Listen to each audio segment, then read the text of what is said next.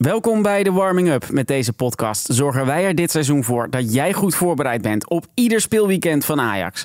Mijn naam is Anne de Jong. En ik ben Diederik van Zessen en we gaan in deze aflevering voorbeschouwen op Almere City tegen Ajax. En we hebben natuurlijk ook weer een Ajax-breinbreker voor je die te maken heeft met de wedstrijd van dit weekend. De vraag is, als Almere en Ajax zondag tegenover elkaar staan, is het op de dag af acht jaar geleden dat de ploegen een vriendschappelijk duel speelden op Sportpark De Toekomst. 1-1 werd het toen. De Amsterdamse goal werd gemaakt door een 1,91 meter lange Franse spits. Wie was het ook alweer? Ik zit Harris, ik zit Harris op de plek, dat is met Harris. Ja, het was lastig om echt aan de bal te komen. Ik denk mij altijd. Daar zijn we weer vanuit het hart van de club, de Johan Cruijff Arena, waar Ajax de afgelopen acht dagen drie thuiswedstrijden speelde. Het zweet druppelt hier nog van het beton af, want we nemen dit op de day after Ajax Brighton. Diederik, jij hebt zoals elke week weer een top 5 samengesteld met Ajax nieuwtjes. Zullen we even gisteren snel bespreken en dan door met eh, de toekomst? Ja, precies. Laten we dat op nummer 5 doen. Ajax verloor voor de tweede keer in twee weken met 2-0 van Brighton. Dit keer in eigen huis dus. En omdat Ajax de wedstrijd sterk startte, voelde het toch wel onnodig. Vond ik. Nou, dit vertelde John van Schipper over in de persconferentie achteraf. Dus wij hadden gekozen om uh, agressief te beginnen en te zorgen, uh, proberen te zorgen dat ze niet aan hun normale spel toekwamen. Ik denk dat dat ja, voor een groot gedeelte lukte. Nou, helaas ging het na een kwartiertje fout in de opbouw en kon Brighton vroeg op voorsprong komen. Maar in de eerste helft gaf Ajax verder eigenlijk niks weg. En dat had ook te maken met een tactische aanpassing. Divine Range leek als centrale verdediger te starten, maar had ook een andere rol. Luister maar. De trainer uh, heeft me centraal gezet uh, en dan om door te schuiven naar die zes. Um, dus dat we met twee zessen uitkwamen. Um, ja, ik denk wel dat het goed is uitgepakt. Uh, natuurlijk, ja, Brighton speelt overal één op één. En uh, ik sprak net uh, de keeper die ik ken, uh, Brugge. En hij zei gewoon van ja, tegen ons komen de middenvelders heel weinig aan de bal.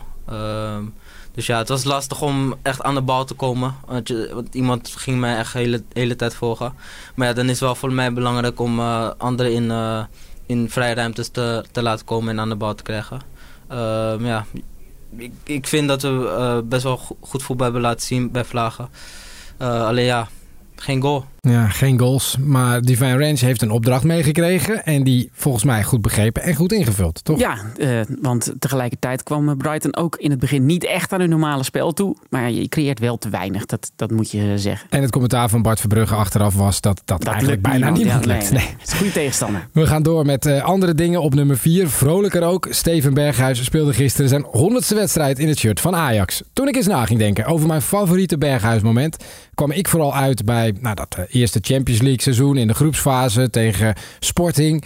Tegen Dortmund met name. Hoe is dat voor jou? Ja, ik verbaas me er vooral over dat hij al 100 wedstrijden gespeeld heeft. Als in, dan gaat het zo snel. Zoveel wedstrijden en dan ja, op 100 alweer. Ik kan me nog het moment herinneren dat, hij, dat opeens dat gerucht kwam van Berghuis. Hij komt naar Ajax, hij komt naar Ajax.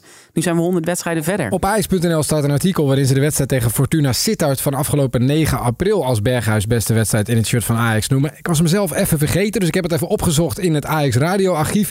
Ja, het klopt eigenlijk wel. Het werd 4-0 voor Ajax. Hij scoorde twee keer. Twee assists. Bij Ajax Radio klokken toen zo. Met aan de rechterkant Berghuis voor Ajax. Berghuis trekt naar binnen. Goed schot en hij gaat erin. Heel lekker ingedraaid. Vanaf de rechterkant naar binnen. En dan zit er zo'n ongelooflijk effect aan dat schot. Dat hij aan de binnenkant van de paal voorbij Pandoer gaat. En hij gaat er toch echt wel niet met heel veel snelheid. Maar zo vies lekker in, Anne. Ja, hij heeft hem inderdaad perfect geplaatst in de verre hoek. Op nummer 3, daar kunnen we niet omheen. Vorige week noemden we hem nog Chuba Akpom. Inmiddels is het Chuba Ekpom, we zeggen het goed. En uh, laten we niet vergeten dat de Engelsman deze week wel 3 uit 3 heeft gescoord. En bovendien voor de camera's van ESPN en NOS de harten van veel voetbalfans. Ik denk zelfs buiten Amsterdam stal. Na een openhartig interview na Ajax Heerenveen. Deze week was ook op alle Ajax-kanalen te zien hoe hij een quizje in het Nederlands kreeg. En wat toen vooral opviel, waren zijn rap skills. Ik zit Harris, ik zit Harris op de flankkant, ik ben Harris. Ja, Dat is goed, ja, het is goed, ja. En hij wist ook nog eens wat het betekende. We- Weet jij het ook wel? Ja, natuurlijk. Dus, eh, de chaos weet van. David Neres. Ja, Ja, ja, ja. I make chaos on the wing like David Neres. ja, Ja, heel goed. De straattaal van Anne de Jong blijft nee. onnavolgbaar. Nou, nummer twee. Door met de Ajax-vrouwen. Aanstaande woensdag beginnen ze dan echt aan hun eerste avontuur in de groepsfase van de Women's Champions League. En het mooie is, daar zijn we bij Ajax Radio dus gewoon bij. De wedstrijden zijn allemaal live te zien bij de NOS op NPO 3. Maar als je het niet kunt of durft te kijken, is er Ajax Radio. Live verslag natuurlijk door een Ajax-bril, zonder onderbrekingen. Te beginnen met het misschien wel grootste affiche aanstaande woensdag hier thuis in de Johan Cruijff Arena. Aftrap, 9 uur s avonds, Ajax Paris Saint-Germain. Wie zien we dan ook weer allemaal, Anne? Nou, namens Paris Saint-Germain Lieke Martens en eh, Jackie Groene. Eh, maar bijvoorbeeld ook Tabita Shawingwa. Dat is echt een sensatie in het vrouwenvoetbal uit Malawi. Vorig jaar speelde ze nog bij Inter in Italië. Ze scoorde aan de lopende band. En nu dus bij de echte top in het vrouwenvoetbal Paris Saint-Germain. Dat Paris Saint-Germain won ook van PSV in de voorbereiding op dit seizoen. Het werd 3-0. En het is trouwens niet te verwarren met Paris FC. Eh, daar speelde Ajax weer een vriendschappelijke wedstrijd tegen. Ook een topclub uit het vrouwenvoetbal. Zit ook in de Champions League. Eh, in de voorbereiding van het nieuwe seizoen speelde Ajax daar een wedstrijd tegen. Verloor Ajax wel kansloos. Laten we hopen dat het aankomende woensdag positieve Ik heb het idee dat jij me voorbereid bent. Ja. We hebben er zin in. Vers van de pers op nummer 1. Jorrel Hato is debutant bij de selectie van Oranje. En zou dus mogelijk volgende week zijn haasje kunnen halen. Nou, gefeliciteerd, Jorrel. Ja. Ik zat gelijk te denken, Jorel Hato, 7 maart 2006. En dan, dat zijn tijden die wij bewust hebben meegemaakt. Nou, ik zou nog Ja. kunnen nagaan in mijn agenda wat ik deed op die Nou dag. ja, de, eh, een paar maanden later was het WK, waar Nederland het ontzettend goed deed. Eh, eerste wedstrijd Servië-Nederland. Voor jou het kleine quizje. Welke Ajaxiden stonden in die opstelling van Nederland toen Jorel Hato misschien 2,5 maand oud was? Het was ergens in juni. Servië, Nederland in 2006. Eh, wow, oké. Stekelenburg. Die zit op de bank. Wel een Ajax-keeper. We hebben wel een Ajax-keeper bij Ajax. Eh, maar toen niet meer, van de Sar. Van der Sar stond nog in die wedstrijd. Ja, maar was geen Ajax-seat meer natuurlijk. Nee, nee, maar met een Ajax-verleden. Eh, Snijder stond erin. Zeker. Eh, dat moet haast wel. Danny Landzaat speelde ooit één wedstrijd voor Ajax. Ja. André Ooyer En stond in de scoorde basis. ooit een belangrijke wedstrijd voor Ajax, voor Twente, Danny Landzaat. John Heitinga. En op de bank nog Rafael van der Vaart en Hedwiges Maduro. Die mensen speelden allemaal, hebben wij allemaal nog bewust meegemaakt, toen Hato geboren wordt. En nu zit Hato zelf bij de selectie van Oranje. Het Nederlands elftal speelt hier thuis tegen Ierland in de Johan Cruijff Arena op zaterdagavond dus volgende week. En de dinsdag erna spelen ze ook nog op de Rots tegen Gibraltar. Alsjeblieft, alsjeblieft to all Ajax fans, to all, all Netherlands. Uh, alsjeblieft. Alsjeblieft! Zit je al heel lang met een vraag over Ajax? Dit seizoen geven we jou als luisteraar van deze podcast de kans om hem te stellen in Ask Ajax. Deze week gingen we op zoek naar het antwoord op de vraag van luisteraar Michel. Die zegt: Ik heb wel eens gehoord dat het nieuwe Ajax nu al een jaar van tevoren wordt gekozen. Maar door wie wordt het dan gekozen en hoeveel keuzes zijn er? En wat gebeurt er eigenlijk met die ontwerpen die het niet halen? Het antwoord komt van Sietse van Seijen. Die is accountmanager bij Ajax en die heeft onder andere de portefeuille Adidas. Hi Michel. Ik begreep van mijn collega's van Ajax Media dat jij de vraag had gesteld of het klopt dat het Ajax er nu een jaar van tevoren bij ons bekend is. Nou, ik kan je zeggen dat het juist is en dat wij ongeveer, nou laat zeggen, anderhalf jaar van tevoren het eerste ontwerp vanuit Adidas eh, te zien krijgen. Het ontwerp van het Ajax nu is dus een langdurig proces in samenwerking tussen bepaalde afdelingen vanuit Ajax en Adidas. En eigenlijk begint het al eerder, want voordat wij het tenue voor het eerst te zien krijgen, zijn er ook al inspiratiesessies geweest voor het ontwerp van het tenue. Ehm, uiteraard is bij het ontwerp Ajax altijd de basis, maar wordt er natuurlijk ook rekening gehouden met de mening en de wensen van het spelers en staf. Kijken we naar bepaalde trends die er spelen en natuurlijk de wens van de Ajax supporters. Ehm, wat overigens niet iedereen weet, is dat bij het ontwerp we ook rekening moeten houden met de restricties en de eisen van de verschillende voetbalbonden, zoals de KNVB en met name de UEFA. Ja, en gedurende het proces worden er op verschillende momenten bepaalde keuzes gemaakt. Ideeën die niet worden gekozen, worden op dat moment ook niet verder uitgewerkt. Uh, in sommige gevallen bewaren we bepaalde ideeën voor een volgende collectie. Uh, dus ja, dat is eigenlijk het proces zoals het gaat. En ik hoop dat ik hiermee enigszins antwoord heb kunnen geven op je vraag. Nou, enigszins wel zou ik Ja. zeggen. Maar hier, dit zet mij toch wel aan het denken. Ik wil bij zo'n Dat komt wel heel- ja, dat inspiratiesessie komt wil ik er lekker bij zitten, man. Ik heb net de hele Beckham documentaire gezien. En ik zou, dat ga ik dan even zeggen, ik zou heel graag zo'n kraagje zien. Ik wil- kraagje? ja, ik wil heel graag, ik zou heel graag zo'n kraagje zien. Lijkt me heel erg maar mag tof. dat van de UEFA? Ja, je ziet het toch weer steeds vaker. Volgens mij mag het wel. En dan, ja, we hoeven, misschien hebben we dan een Cantona-achtig type die me omhoog kan zetten. Lijkt me heel gaaf. Heb jij nou ook een vraag voor Ask Ajax? Stuur een mailtje naar podcast.ajax.nl. Dan gaan wij achter het antwoord aan. De leukste vraag van de maand krijgt een Ajax-shirt thuisgestuurd zonder kraagje. Voor Ajax 1 staat aanstaande zondag een eredivisiewedstrijd tegen Almere City op het programma. Het is de laatste wedstrijd in blok 3, zoals ze dat noemen. Want volgende week wordt de competitie voor de laatste keer tot de winterstop onderbroken voor interlandvoetbal. Bas Nijhuis is de scheidsrechter van dienst zondag in Almere. We hebben net ook John van Schip gesproken, de coach, over de wedstrijd van zondag. Een, een mooie jonge club, Almere, waar ze goed werk verrichten. Met, uh, met hetgeen wat ze hebben gedaan de afgelopen jaren, een aantal keren net niet. Uh, ik denk ook mooi voor, uh, voor Almere als, als stad dat, ja, dat ze een, nu een club hebben wat in de eredivisie speelt. En ze doen het daarnaast ook goed.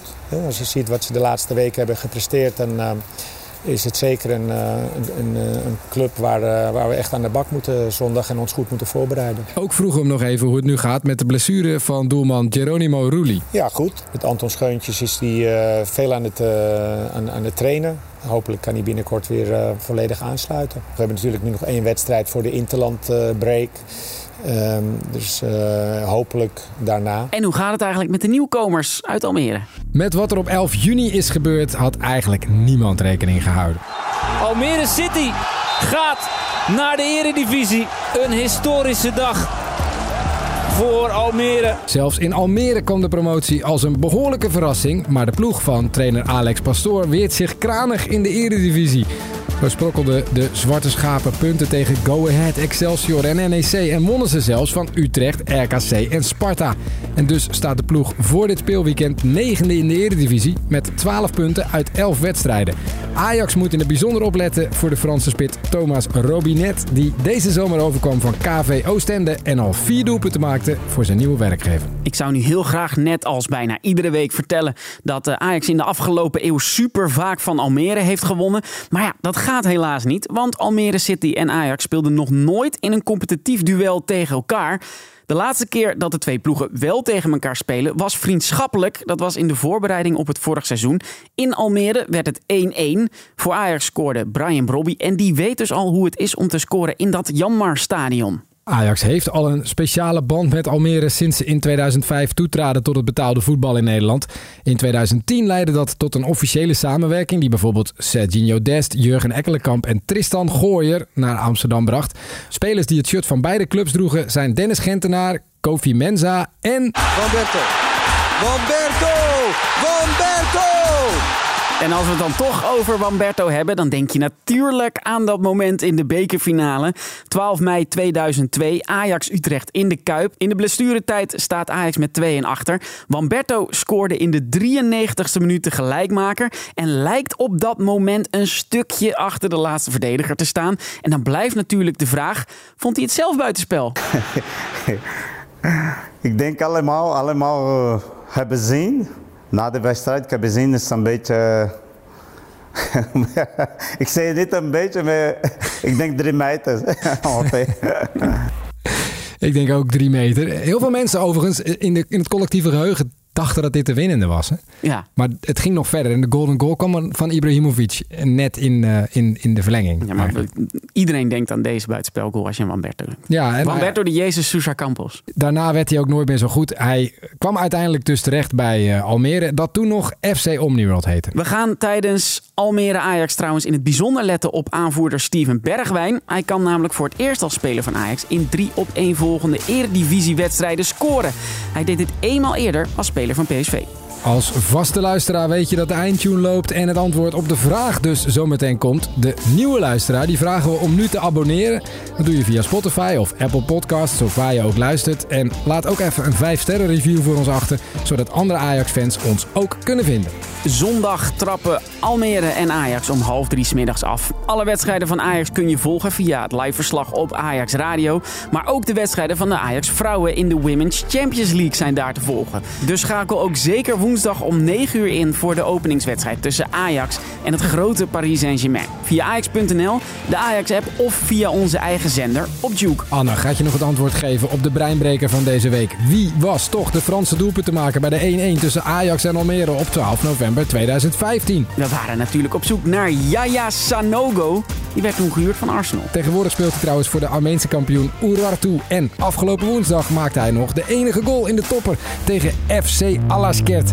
Volgende week zijn we er niet. Tot na de Interlandbreak.